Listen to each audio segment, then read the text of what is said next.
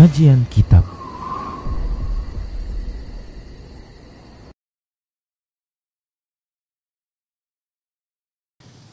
Bismillah, Assalamualaikum warahmatullahi wabarakatuh.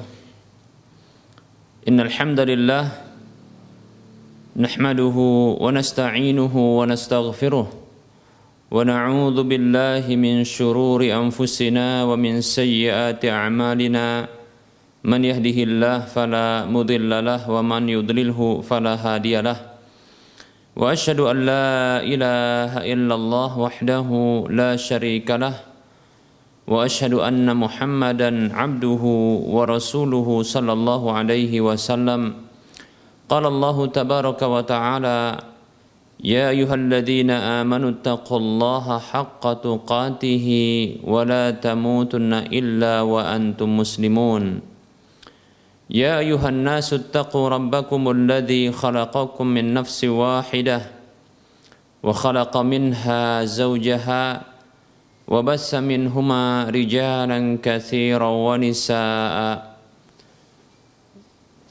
واتقوا الله الذي تساءلون به والارحام ان الله كان عليكم رقيبا يا أيها الذين آمنوا اتقوا الله وقولوا قولا سديدا يصلح لكم أعمالكم ويغفر لكم ذنوبكم ومن يطع الله ورسوله فقد فاز فوزا عظيما أما بعد فإن أصدق الحديث كتاب الله وخير الهدى هدى رسول الله صلى الله عليه وسلم وشر الأمور محدثاتها وكل محدثة بدعة وكل بدعة ضلالة وكل ضلالة في النار Alhamdulillah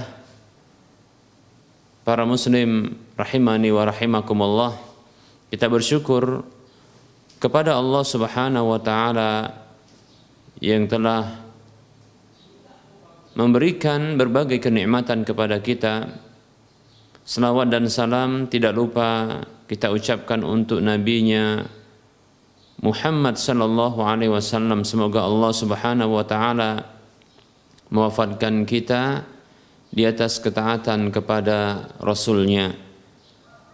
Para pemirsa Rosyad TV dan para pendengar radio Medan Mengaji, di mana saja Anda berada. Kita akan lanjutkan pembahasan berikutnya yang kita masih membahas tentang perkara-perkara yang bisa mengurangi keimanan, keislaman dan tauhid seorang hamba dan di antaranya adalah kebid'ahan ini merupakan hal yang bisa mengurangi tauhid seorang hamba. Telah kita sebutkan pada pertemuan yang lalu bahwa definisi bid'ah itu dilihat ada dua. Pertama dari sisi bahasa,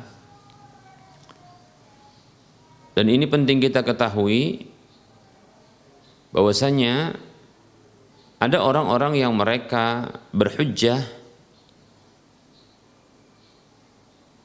untuk bid'ahnya yang dinyatakan oleh Nabi Shallallahu Alaihi Wasallam itu itu dipahami secara pemahaman atau definisi bahasa. Nah tentunya hal ini adalah keliru. Kita ulangi bahwasanya ada orang-orang dari kalangan kaum muslimin yang mereka memahami bid'ah yang disebutkan oleh Nabi Shallallahu Alaihi Wasallam itu adalah bid'ah dalam urusan apa saja, yaitu yang mereka pahami adalah bid'ah secara bahasa. Padahal yang dimaksudkan adalah bid'ah secara syar'i karena Nabi kita Muhammad sallallahu alaihi wasallam eh, datang diutus oleh Allah Subhanahu wa taala untuk menjelaskan permasalahan-permasalahan syar'i. Permasalahan-permasalahan syar'i. Demikian para muslim rahimani wa rahimakumullah.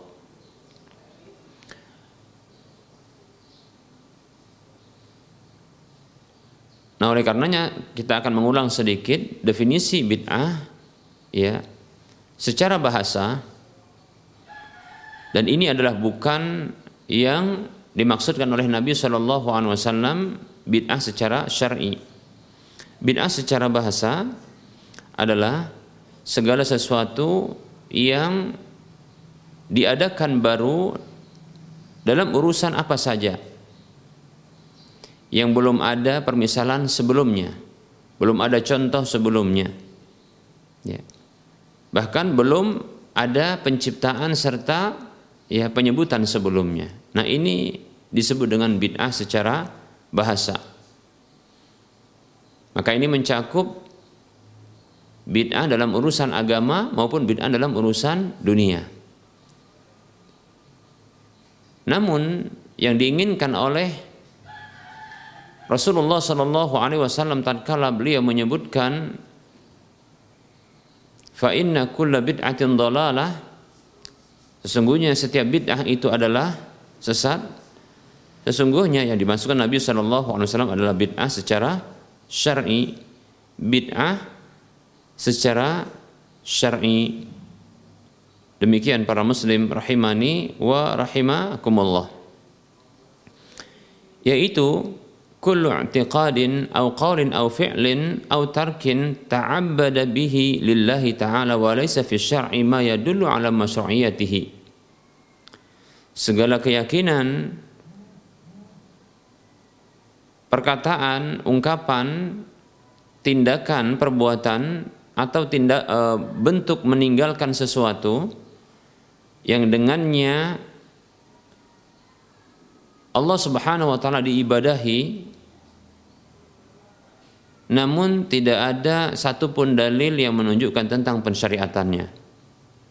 Nah, para muslim rahimani wa rahimakumullah ini merupakan ya bentuk apa definisi atau definisi bid'ah secara syar'i. Demikian para muslim rahimani wa rahimakumullah. Berikut ini kita akan sebutkan beberapa bentuk atau contoh atau pembahagian dari e, bid'ah-bid'ah secara syar'i tersebut. Bid'ah terbagi menjadi tiga. Yang pertama adalah bid'ah yang terkait dengan keyakinan. Dan ini perlu kita ketahui bahwasanya bid'ah secara syar'i ya. Yang sedang kita sebutkan adalah bid'ah dengan makna pemahaman syar'i, bukan bid'ah secara bahasa. Adapun bid'ah secara bahasa, maka kita katakan hukumnya ya kembali kepada apa yang disebutkan. Ya. Kalau maksudnya adalah bid'ah ya dalam urusan dunia, maka ini perkara yang boleh hukum asalnya. Demikian. Namun kalau dalam urusan agama, maka di sini tentunya tercela seluruhnya. Demikian para muslim rahimani wa rahimakumullah.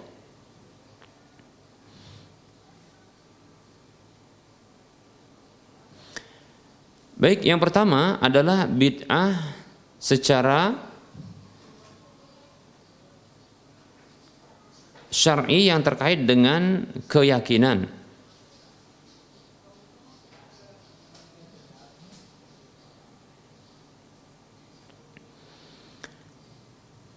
Yaitu keyakinan yang menyalahi atau berbeda dengan apa yang dikabarkan oleh Allah Subhanahu wa taala dan dikabarkan oleh Rasulullah sallallahu alaihi wasallam.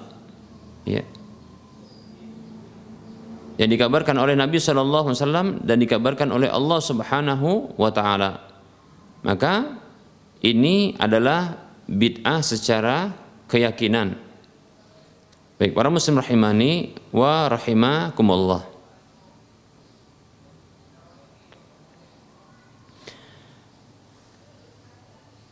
Contoh dari bid'ah seperti ini di antara contoh dari bid'ah seperti ini adalah seperti bid'ah tamsil. Apa itu tamsil? Yaitu salah satu bentuk pelanggaran di dalam keyakinan nama dan sifat Allah Subhanahu wa taala. Yaitu bahwasanya Allah Subhanahu wa taala itu sama dengan makhluknya di dalam sifat-sifatnya. Itu tamsil. Yaitu menyerupakan Allah Subhanahu wa taala dengan makhluknya di dalam sifat-sifatnya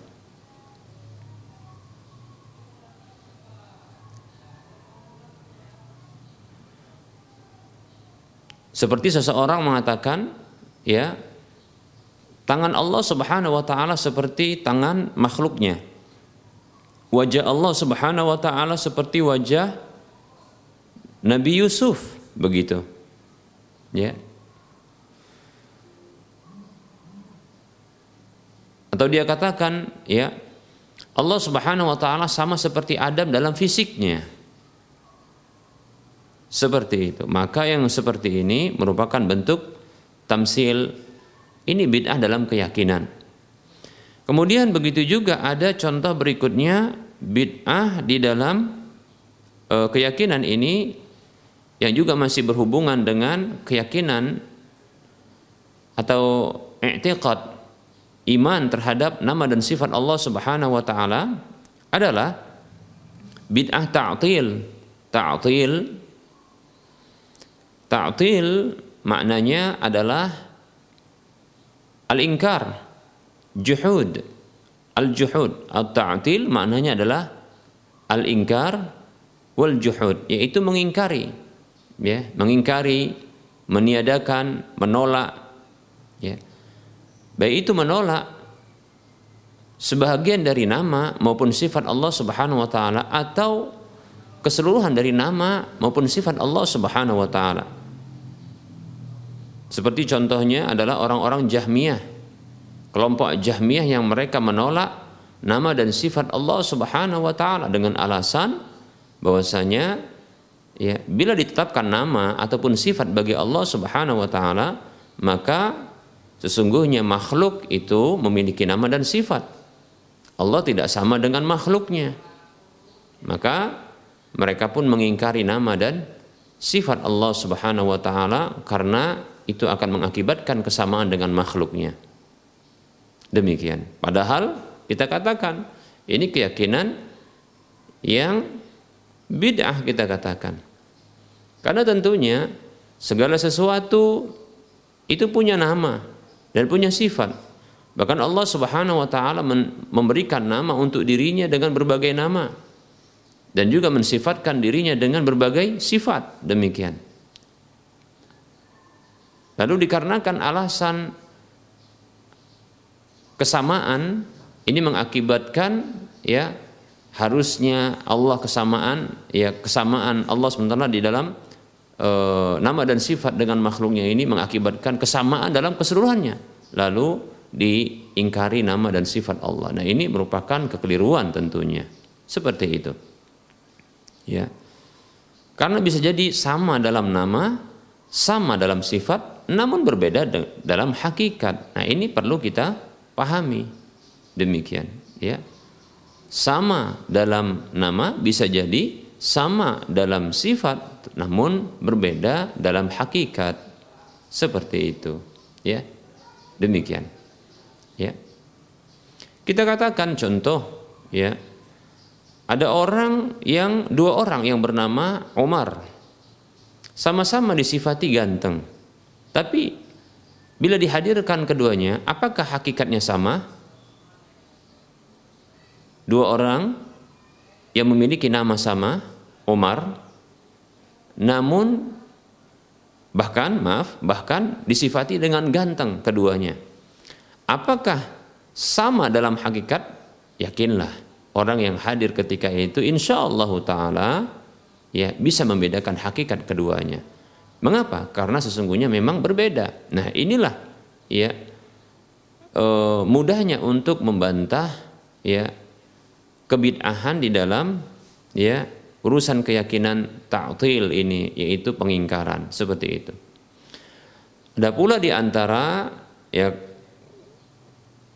kelompok yang menyimpang dari akidah ahlus sunnah wal jamaah yang disebut dengan mu'tazilah kelompok ini ya yang mereka ini mengingkari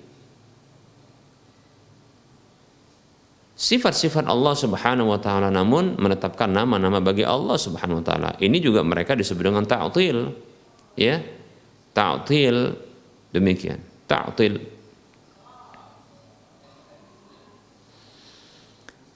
Yang mereka mengingkari sifat-sifat Allah namun menetapkan nama. Ini sebagian dari ta'til. Ada pula sebahagian ya kaum muslimin yang mereka juga eh, dikategorikan melakukan tindakan ta'til yaitu melakukan pengingkaran yaitu dengan cara ya menolak sebagian sifat walaupun menerima ya lafat-lafat syar'i terkait dengan nama ataupun sifat Allah Subhanahu wa taala. Namun mereka menolak ya, menolak makna yang sesungguhnya. Demikian. Dan mereka inilah orang-orang yang mereka melakukan takwil ya, takwil.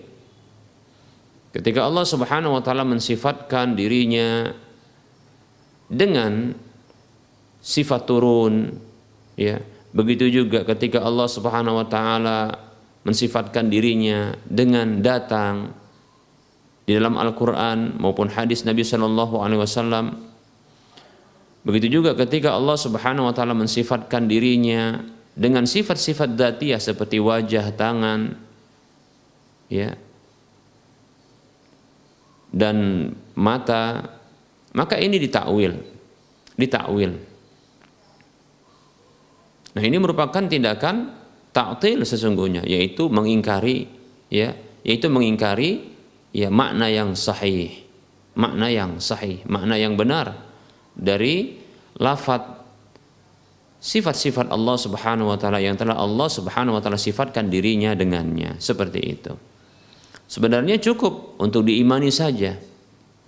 Sebenarnya cukup untuk diimani tanpa harus dibayangkan bagaimana bentuknya ya sehingga tidak perlu melakukan tindakan ta'til yaitu pengingkaran demikian sesungguhnya ta'til yaitu mengingkari ya nama-nama ataupun sifat-sifat Allah Subhanahu wa taala itu karena ya begitu mendengarkan nama ataupun sifat-sifat Allah Subhanahu wa taala muncul ya terbayang dalam benaknya ya keserupaan dengan makhluk.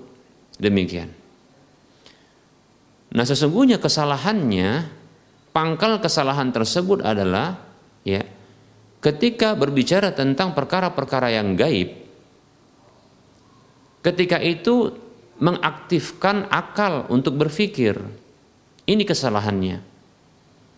Dan ini pernah kita sampaikan bahwasanya ya ketika kita mendengarkan pengkabaran yang jujur dari orang yang jujur yang dia menyampaikan dari zat yang maha jujur perkataannya, yang benar perkataannya. Maka wajib kita terima.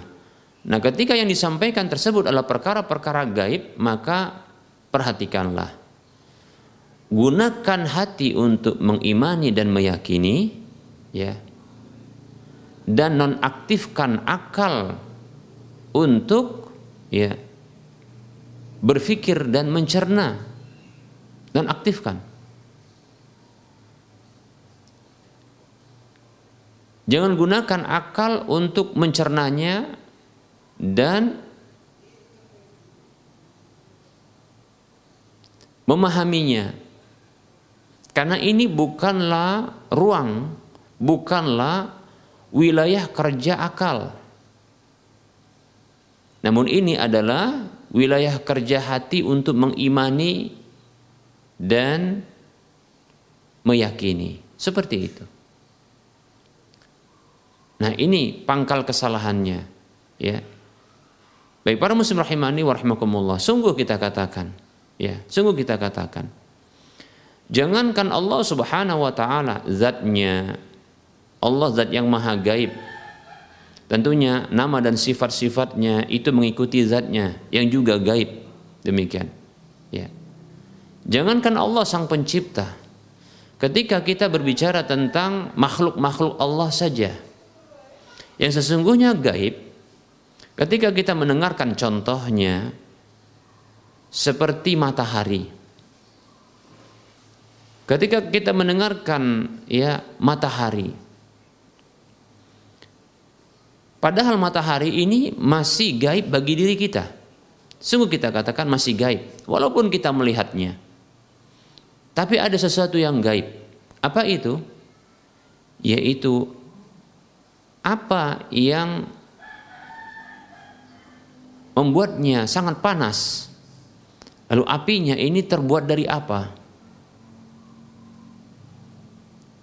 Demikian, seperti itu. Begitu juga ketika kita mendengarkan tentang langit yang kedua, langit yang ketiga, langit yang keempat. Ini makhluk Allah Subhanahu wa taala. Begitu juga arsy Allah. Begitu juga malaikat Allah.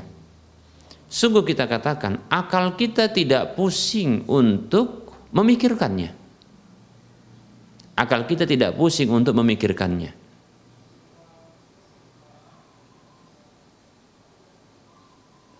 Namun kita bisa meyakininya. Karena mengkabarkannya adalah Allah Subhanahu wa taala.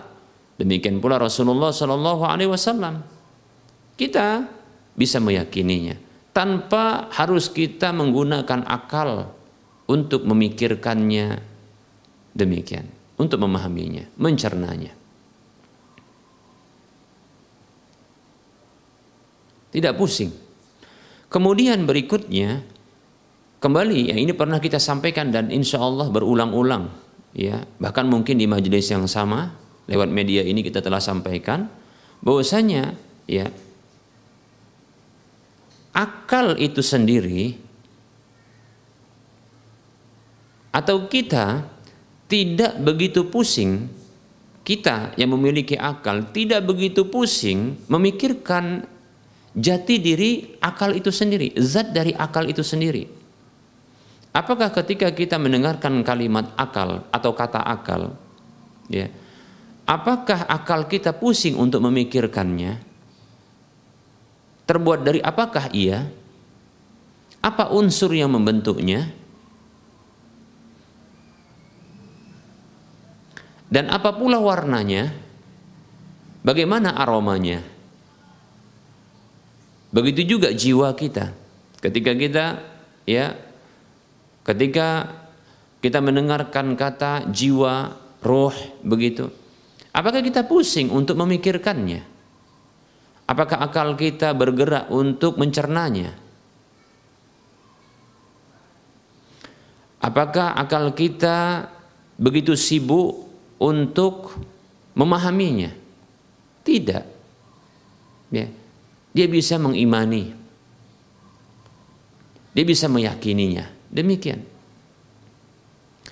Tapi mengapa ketika berbicara tentang zat yang maha gaib, Allah Subhanahu wa taala, nama dan sifatnya, lalu kita kok membuka peluang bagi akal untuk terlibat dan aktif di dalam di dalamnya. Ini hal yang keliru.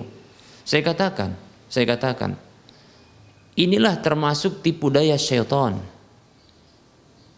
Karena sesungguhnya syaitan ingin mengajak manusia untuk jatuh ke dalam pelecehan terhadap Allah Subhanahu wa taala.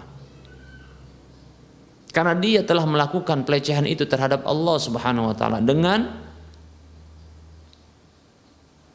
spontan ya sombong di hadapan Allah sombong terhadap makhluk Allah enggan terhadap perintah Allah untuk tunduk kepada Allah lihat begitu beraninya ya dan lancangnya iblis ini yang dia merupakan penghulu dari para setan. Penghulu dari para setan demikian. Bahkan raja dari para setan. Dialah iblis ini yang pertama sekali melakukan pelecehan dan lancang terhadap Allah Subhanahu wa taala. Maka dia mengajak musuh-musuh bebuyutannya dari kalangan manusia ini untuk jatuh kepada hal yang sama. Dan dia perintahkan bala tentaranya, para seton-seton dari kalangan jin itu untuk apa? Untuk menyesatkan manusia agar jatuh kepada pelecehan dan kelancangan terhadap Allah Subhanahu wa taala. Ini permasalahannya. Maka ketika ya disebutkan tentang Allah Subhanahu wa taala dan dia adalah zat yang maha gaib. Tentunya nama dan sifatnya adalah gaib dari sisi hakikatnya. Dari sisi hakikatnya adalah gaib.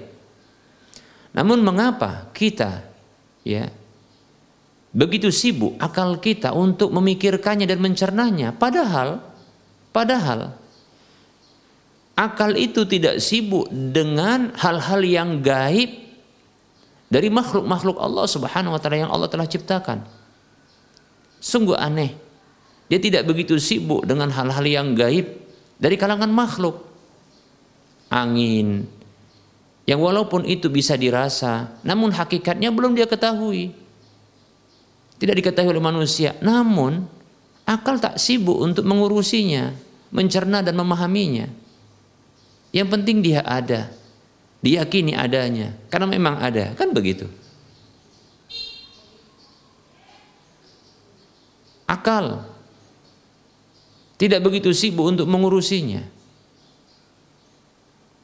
Langit juga demikian, bintang gemintang juga demikian, ya ini adalah perkara gaib, namun akal bisa menerimanya. Ya, ada ya. Bintang, ada bintang. Diyakini ada. Apalagi dia dapat informasi dari dari mata. Yang mata itu melihat bintang. Tapi, tapi akal tidak begitu sibuk untuk memikirkannya. Apa sih hakikat dari bintang itu? Apa penyusunnya? Apa senyawanya? Bagaimana sifat-sifatnya? Tidak begitu sibuk dia memikirkannya.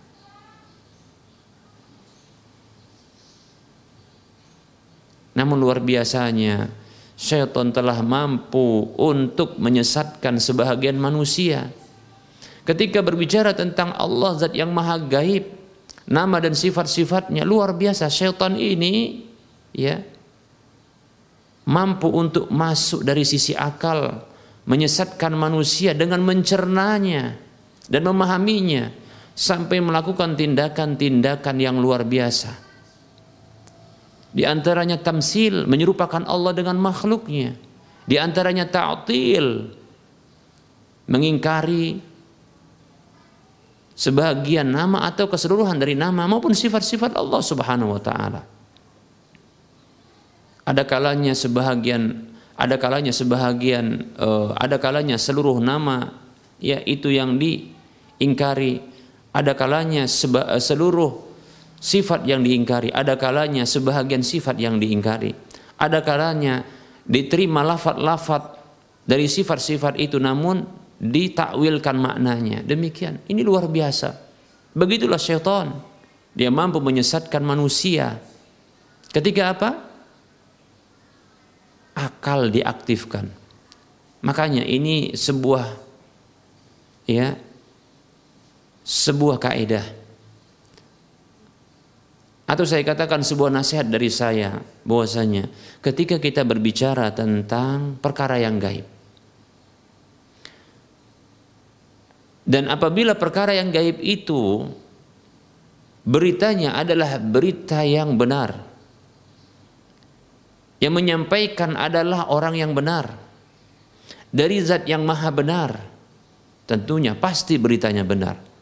Maka nonaktifkan off akal kita untuk mencerna dan memahaminya. Namun gunakan hati untuk mengimaninya dan meyakininya seperti itu.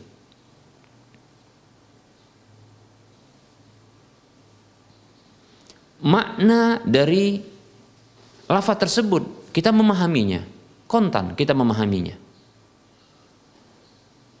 Seperti wajah, tangan, mata, melihat, hidup, itu sifat-sifat Allah Subhanahu wa taala dan seterusnya dari sifat-sifat Allah yang banyak. Kita paham maknanya.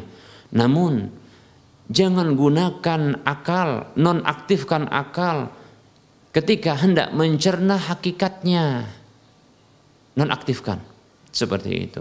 Maka gunakan hati untuk mengimaninya dan meyakininya. Maka seluruh masalah ini selesai.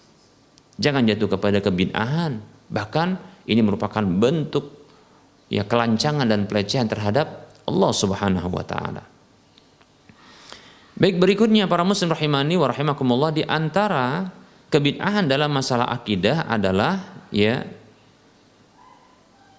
meniadakan takdir yaitu maksudnya adalah meniadakan kemampuan manusia pilihan manusia di dalam tindakan itu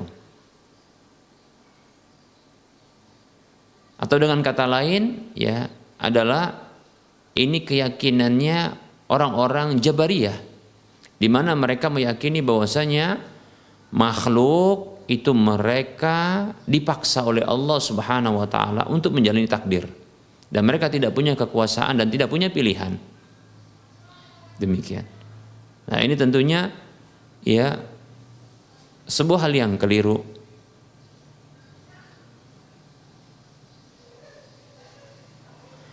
Baik para muslim rahimani wa rahimakumullah. Sesungguhnya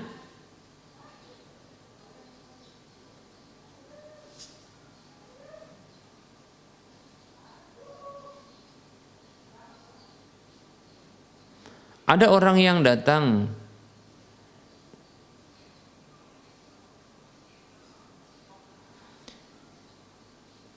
kepada Abdullah bin Umar kita akan sebutkan riwayat ini ya riwayat yang disebutkan oleh Imam Muslim dalam kitab sahihnya. Beliau menyebutkan riwayat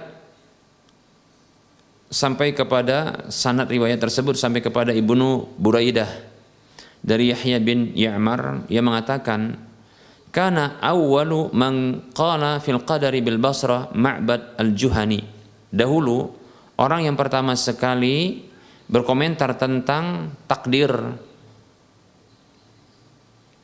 itu adalah Ma'bad al-Juhani yang berada di Basrah. Ya. Fantolak tu ana wa Humaid ibnu Abdurrahman al-Himyari atau Humairi maka aku pun berangkat pergi bersama Humaid bin Abdurrahman Al-Himyari atau Al-Humairi hajaini atau mu'tamiraini untuk berhaji atau umrah.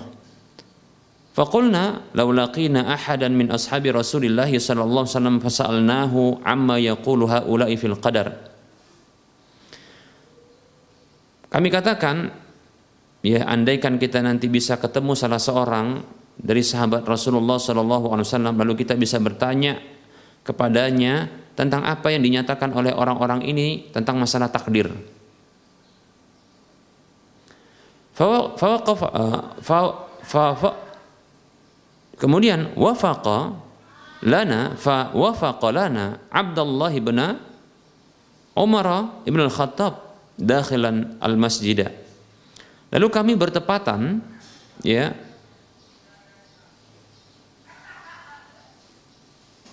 wafaqalana Abdullah bin Umar bin Khattab radhiyallahu anhuma Lalu kami bertepatan dengan Abdullah bin, uh, bin Umar bin Khattab radhiyallahu anhuma yang ia masuk ke dalam masjid.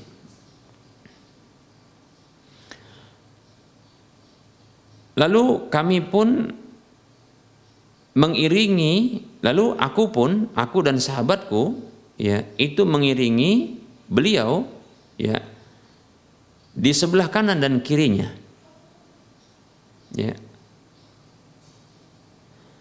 Kemudian aku menyangka bahwasanya sahabatku yang akan mewakilkan perkataan itu kepadaku.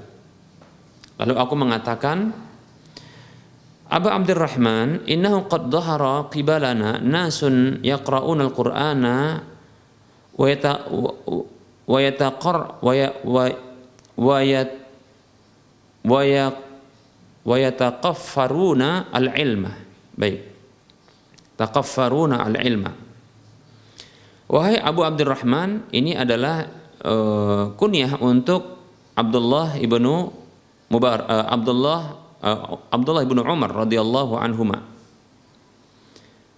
Ia mengatakan sesungguhnya telah muncul di tengah-tengah kami orang-orang yang mereka membaca Al-Qur'an. Ya. Namun mereka adalah orang-orang yang kecil dalam masalah ilmu. Kemudian ya wa min sya'nihim lalu ya Sang penanya tadi menyebutkan tentang kondisi mereka. Wa annahum yaz'umuna an la qadara. Mereka menyangka bahwasanya tidak ada takdir. Wa annal amra unufun bahwasanya semua perkara itu baru terjadinya. Maksudnya di sini adalah tidak ada takdir, maksudnya lah tidak ada ya pilihan bagi manusia. Dan semuanya itu terjadi ya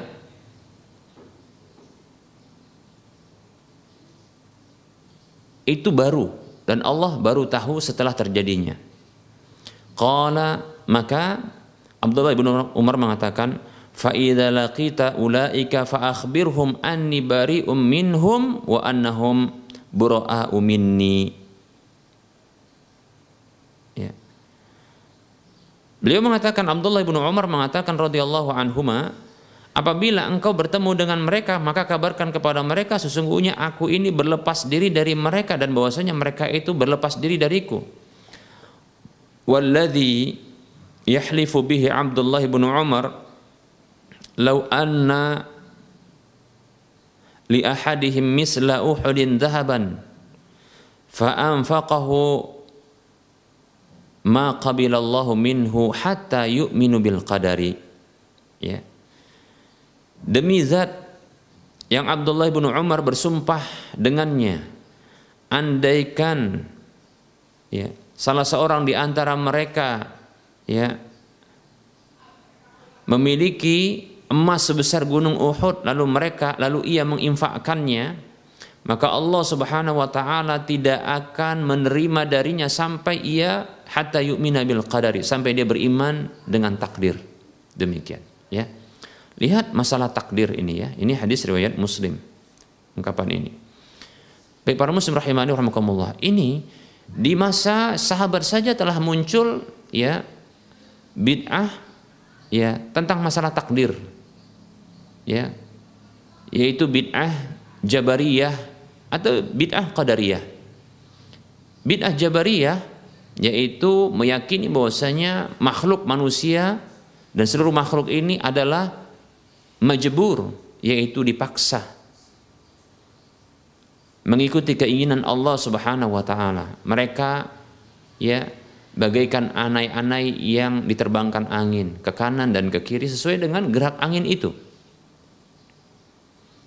Atau mereka itu menurut ya mereka itu maksudnya ya adalah orang-orang Jabariyah mereka ini meyakini bahwasanya manusia itu majbur itu dipaksa itu bagaikan ya wayang yang dimainkan dalangnya bagaikan robot yang diarahkan oleh remote begitu. Dan seterusnya.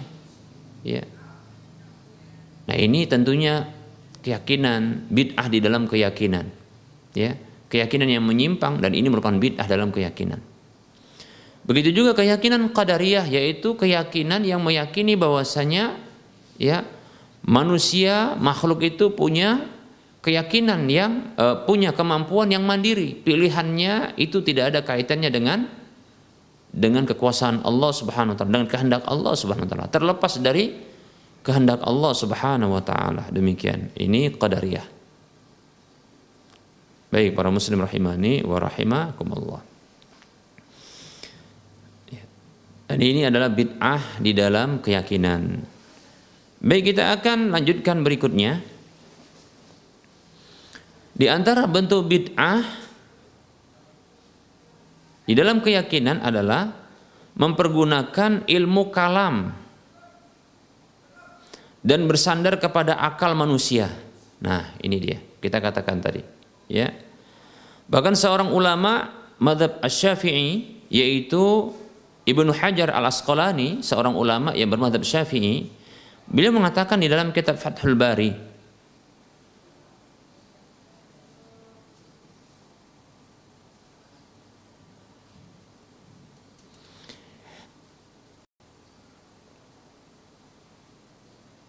Beliau mengatakan al-i'tisam yaitu tentang berpegang teguh ya.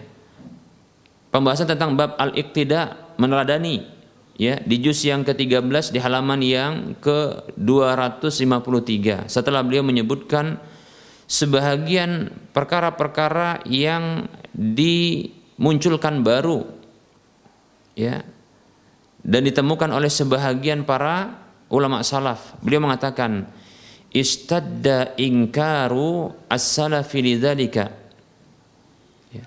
Para ulama salaf itu begitu keras mengingkari hal tersebut. Ka Abi Hanifah seperti Abu Hanifah, wa Abi Yusufa seperti Abu Yusuf, wa Syafi'i. Begitu juga Imam Asy-Syafi'i. Wa kalamuhum fi dhammi ahli kalami masyhurun. Celaan mereka, ungkapan mereka tentang celaan kepada ahlul kalam itu adalah masyhur, populer. Wasababuhu annahum takallamu fi ma sakata anhu Nabi sallallahu alaihi wasallam wa ashabuhu.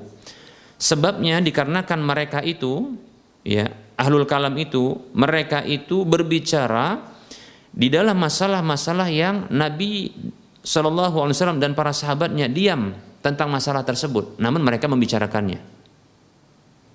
Lihat ya, ini yang membuat Imam Abu Hanifah, muridnya Abu Yusuf, begitu juga Imam Asy-Syafi'i ini mencela mereka. Wa sabata an Malikin annahu lam yakun fi ahdi Nabi sallallahu alaihi wasallam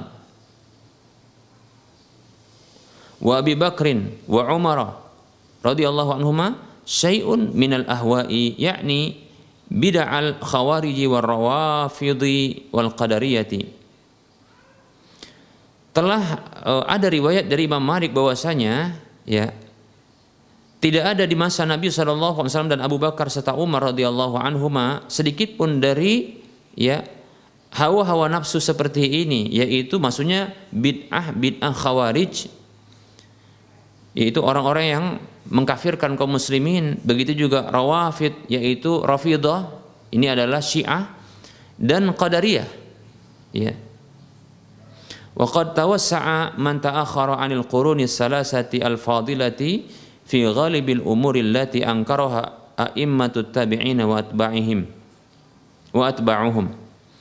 Sungguh ya telah meluas ya telah ya memperlebar orang-orang belakangan selepas dari Eh, generasi-generasi tiga generasi yang utama yaitu sahabat tabi'in tabi'ut tabi'in ini tiga generasi utama. Ya orang-orang setelah mereka itu memperluas ya permasalahan ini dalam urusan-urusan yang diingkari oleh para imam-imam ulama tabi'in dan pengikut mereka walam yaqtani'u bidzalika hatta mazaju masaila ad-diyanati bikalamil yunani ya. dan mereka tidak mencukupkan dengan hal itu sampai-sampai mereka ya mengadopsi memasukkan ya masalah-masalah agama ya mencampur adukkan masalah-masalah agama dengan ya ungkapan-ungkapan filsafat Yunani. Ya, ini ahlul kalam itu ya orang-orang yang dikatakan ahlul filsafat begitu ya. Filsafat Yunani. Nah ini ketika Aristoteles ya begitu juga Plato dan seterusnya ini ungkapan mereka dimasukkan ke dalam ya e, buku-buku mereka diterjemahkan ke dalam bahasa Arab kemudian dimasukkanlah perkataan mereka ke dalam ya filsafat mereka ini ke dalam ya keyakinan-keyakinan urusan agama. Ya keyakinan-keyakinan agama kita. Wa ja'alu kalamal falasifati aslan. Ya yarudduna ilaihi ma khalafahu min al asari bitawili walau kana ya mustakrahan. Dan mereka menjadikan ungkapan-ungkapan ahli-ahli filsafat tersebut sebagai asal yang mereka ya menolak atau mengembalikan kepadanya apa saja yang bertentangan dengannya. Ya. Baik itu ya riwayat-riwayat asar-asar yaitu uh, wahyu yaitu seperti contohnya Al-Qur'an dan hadis ya begitu juga perkataan ulama mereka tolak itu ketika bertentangan dengan dengan perkataan-perkataan ahli filsafat tersebut dengan alasan takwil ditakwil walau walaupun itu ya terkesan dipaksakan. Summa lam yaktafu bidzalika hatta za'amu anna alladhi rattabuhu huwa ashraful ulumi wa aw, wa wa wa aulaha bitahsili Kemudian mereka bahkan tidak cukup sampai di situ, sampai-sampai mereka menyangka bahwasanya apa yang mereka ya tetapkan itu yaitu ilmu yang mereka tetapkan seperti itu yang itu merupakan dari apa namanya ungkapan ahli filsafat ini merupakan ya ilmu yang paling mulia dan yang paling utamanya untuk bisa mendapatkan ya eh, hasil kesimpulan dalam ilmu wa anna man wa anna man lam yasta'mil mastalahu alaihi fahuwa amiyun jahilun dan bahwasanya orang yang tidak mempergunakan istilah-istilah yang telah mereka buat itu itu dianggap seperti orang yang awam, bodoh kata mereka. Fasaidu man tamassaka bima kana alaihi salafu wajtanaba ma ahdatsahu al khalafu. Lihat perhatikan ini ungkapan dari Ibnu Hajar al-Asqalani rahimahullahu taala dalam kitab Fathul Bari beliau mengatakan padahal orang yang bahagia itu adalah orang yang berpegang teguh dengan apa saja atau apa yang para ulama salaf dahulu berada di atasnya ya dan orang yang bahagia itu adalah orang yang menjauhi apa saja yang dibuat-buat baru atau dimunculkan baru baru oleh orang-orang belakangan seperti itu. Ya seperti contohnya para tokoh-tokoh yang belakangan ya, ahli filsafat, ahlul kalam demikian seperti itu. Baik para muslim rahimani warahmatullah. Nah, ini ya ini merupakan bentuk apa? Bentuk kebid'ahan di dalam keyakinan yaitu bersandar ya kepada akal manusia dan mempergunakan ya ilmu kalam, ilmu filsafat di dalam urusan akidah. Demikian dan ini sudah ada celaannya ya yang disebutkan oleh para ulama di antaranya adalah Imam Asy-Syafi'i. Demikian. Para muslim rahimani wa rahimakumullah.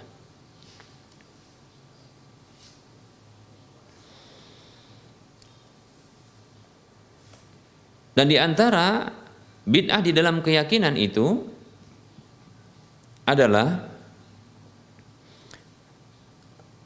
diyakini bahwa para wali ini mampu untuk memiliki kewenangan atau wali para wali-wali orang-orang soleh itu memiliki kewenangan di alam semesta ini ya untuk mengatur ya.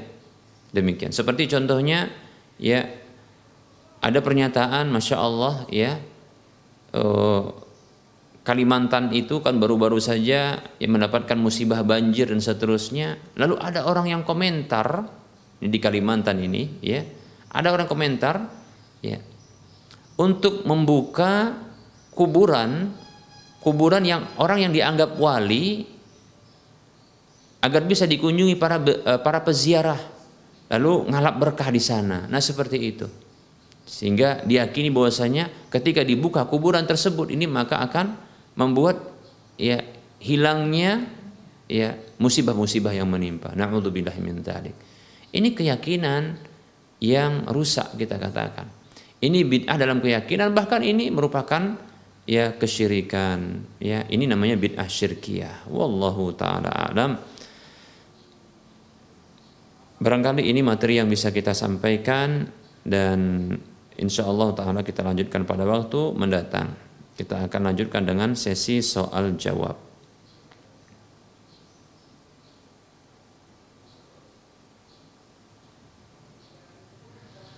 Banyak pertanyaan yang telah sampai. Baik, kita akan mencoba menjawab satu persatu.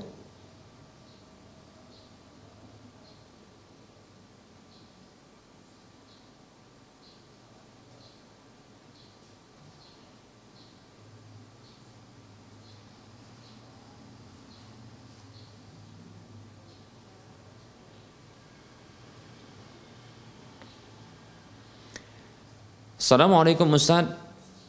Seorang suami menikah kemudian memiliki dua anak laki-laki. Lalu istrinya meninggal. Kemudian menikah lagi Dan tidak memiliki anak. Bagaimana pembagian warisannya Ustaz?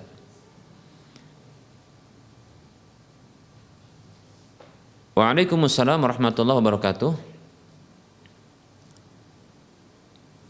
Bila laki-laki dia menikah, kemudian dari pernikahan tersebut lahirlah dua anak laki-laki.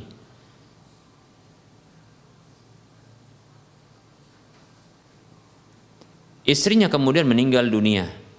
Maka tentunya bila istri ini memiliki harta warisan memiliki harta kita bicara tentang istrinya terlebih dahulu yang meninggal dunia adalah istrinya karena dikabarkan di sini adalah istrinya maka yang berhak untuk mendapatkan warisan dari harta sang istri ini adalah kedua orang tuanya. Bila sang istri ini memiliki kedua orang tua. Ya. Dengan bahagian masing-masing ayah dari sang istri ini adalah seperenam karena ada anak laki-laki. Begitu juga ya ibu dari sang istri ini mendapatkan seperenam ya dari harta sang istri ini. Ayah ibunya mendapatkan masing-masing seperenam. Kemudian suaminya mendapatkan seperempat karena ada anak. Kemudian sisa dari harta tersebut ya dibagi dua untuk anak laki-laki tersebut. Baik, ini untuk satu kasus karena ditanyakan terkait dengan ya e, istri yang meninggal. Begitu juga Apabila ternyata berikutnya ya sang suami ini menikah lagi. Namun dengan pernikahan atau dari pernikahan yang kedua ini tidak memiliki anak. Lalu bagaimana pembagian warisannya? Sepertinya pertanyaannya adalah bagaimana bila ternyata sang suami ini laki-laki ini meninggal dunia? Kan begitu. Baik, maka ya bila sang suami ini atau laki-laki ini meninggalkan harta harta warisan, maka yang menjadi ahli warisnya adalah kedua orang tuanya bila dia memiliki kedua orang tua. Dengan pembahagian ya seperenam untuk ayahnya, begitu juga seperenam untuk ibunya, ibu kandungnya. Kemudian ya berikutnya seperdelapan diarahkan untuk istrinya, istri yang kedua.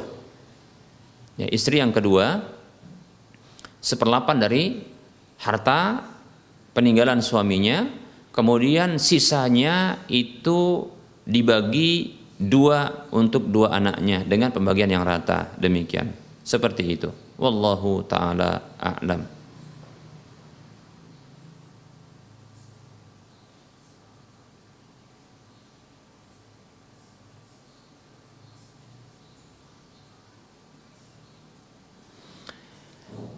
Bismillah, Assalamualaikum Ustadz Izin bertanya, apakah sebuah kompetisi yang menggunakan uang pendaftaran dalam keikutsertaannya bisa dikatakan judi sedangkan hadiah untuk pemenang diperoleh dari sponsor atau donatur? Lalu bagaimana sebuah perlombaan, perlombaan itu dikatakan judi? Jazakallahu khairan Ustaz. Waalaikumsalam warahmatullahi wabarakatuh. Perlombaan dikatakan judi apabila ya para peserta itu diambil ya dana dari mereka sebagian harta dari mereka ya untuk dikumpulkan. Kemudian nantinya pemenang dari perlombaan tersebut itu akan mendapatkan dari harta yang dikumpulkan. Pemenang dari perlombaan tersebut akan mendapatkan ya harta dari mendapatkan hadiah dari harta yang dikumpulkan tersebut. Seperti itu. Baik ya. Demikian. Nah lalu bagaimana apabila ya eh, ada uang pendaftaran yang dikenakan bagi para peserta namun ternyata Uang pendaftaran itu dihabiskan ya untuk biaya operasional seperti mungkin sewa tempat, ya biaya akomodasi dan seterusnya. Namun berikutnya untuk hadiah bagi para pemenang itu diambil dari pihak ketiga. Maka yang seperti ini bukanlah judi, ya. Ini bukanlah judi demikian, ya. Ini bukanlah judi. Ya, karena ya pemenang dia tidak mengambil dari harta yang dikumpulkan atau dari uang pendaftaran tapi ya diambil atau mendapatkan dari ya pihak ketiga ya. Maka yang seperti ini bukanlah judi wallahu taala alam. Wa anta fajazakallahu khairah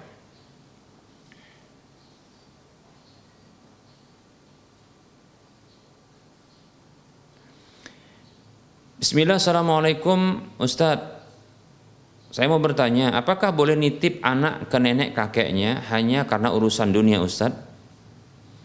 Waalaikumsalam warahmatullahi wabarakatuh.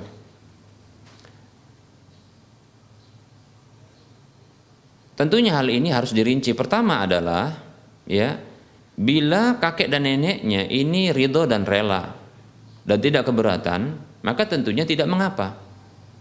Ya. Walaupun tentunya kita katakan ya ini memiliki atau bisa jadi e, membuka peluang ya keberatan dari pihak orang tua ya yaitu kakek dan nenek. Walaupun kita tidak bisa pungkiri bahwasanya kakek dan nenek ini sangat cinta dengan cucu-cucunya. Namun kita katakan ya tapi untuk mengurus ya sekedar untuk bertemu dengan cucu ya ya contohnya juga mungkin e, bersenang-senang dengan cucu menggendong cucu begitu juga barangkali bertemu dengan cucu ya memberi hadiah cucu ini menyenangkan bagi ya kakek dan nenek tersebut ya. Namun bila mengurus layaknya seperti mengurus bayi seorang ibu mengurus bayi, orang tua mengurus bayi. Nah, ini dibebankan kepada kakek dan nenek. Ini kita katakan ya bentuk tidak adab kepada orang tua. Ya. Ini merupakan bentuk memberikan beban baru kepada orang tua. Sungguh kita katakan, kita dahulu telah menyusahkan orang tua kita. Kita dahulu telah menyusahkan orang tua kita. Ya yang kita masih bayi, diurusi seterusnya, kita susahkan orang tua kita. Maka jangan berikan beban dan jangan susahkan orang tua berikutnya dengan mengurusi anak-anak kita. Jangan. Sekedar untuk mempertemukan cucu-cucu dengan kakek serta neneknya, maka ini sebuah hal yang baik. Ya agar cucu-cucunya yaitu anak-anak kita ini mengenal kakek dan neneknya. Demikian.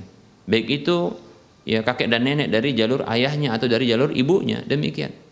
Ini penting untuk mereka mengenal kemudian akan bersilaturahim nantinya. Tapi untuk mengurusi sebagaimana ya seorang orang tua mengurusi anak, maka ini merupakan bentuk kekurang ajaran. Ini merupakan bentuk memberikan beban. Yang tadi kita katakan bahwasanya sungguh kita telah membebani orang tua kita dahulu ketika kita masih kecil diurusi oleh mereka, diasuh oleh mereka. Maka jangan ya kita bebani mereka untuk mengurusi anak-anak kita. Ini bentuk kurang ajar. Maka kita katakan, ya cobalah kita berpikir. Ya, ketika nanti kita telah tua, dan kita telah capek mengurusi anak-anak kita. Apakah kita mau mengurusi cucu-cucu kita seperti dahulu kita mengurusi anak kita? Tentu kita akan merasakan berat. Lebih-lebih fisik tidak seperti dahulu kan begitu. Dan lebih-lebih ya dalam kondisi usia tua ingin ya ingin santai, ya, ingin berkurang beban begitu, bukan malah diberi beban. Berbeda kita katakan ya sekedar mempertemukan ya ya mempertemukan antara anak-anak kita dengan orang-orang tua kita, cucu-cucu dengan kakek-kakek dan neneknya. Maka ini sebuah hal yang baik agar muncul kasih sayang ya. Mereka saling mengenal oh ini cucuku oh ini kakek dan nenekku demikian. Seperti itu dan agar mereka nanti bisa menyambung tadi silaturahim kepada kakek dan neneknya namun jangan bebani orang tua kita yang itu merupakan kakek dan nenek dari anak-anak kita Jangan berikan beban kepada mereka untuk ngurusi anak kita. Sungguh kita tidak mau demikian. Lalu bagaimana kita lakukan itu kepada orang tua kita? Makanya saya katakan ini merupakan bentuk kekurang ajaran. Bahkan bisa kita katakan ini merupakan bentuk kedurhakaan. Wallahu ta'ala alam. Semoga Allah menjadikan kita anak-anak yang berbakti kepada kedua orang tua kita. Amin ya rabbal alamin. Baik para muslim rahimani warahmatullah eh, barangkali ini materi yang bisa kita sampaikan pada pertemuan kali ini. Mohon maaf bila ada kekurangan dan kesalahan di dalam penyampaian. Tentunya kebenaran itu datang dari Allah Subhanahu wa taala, maka ambillah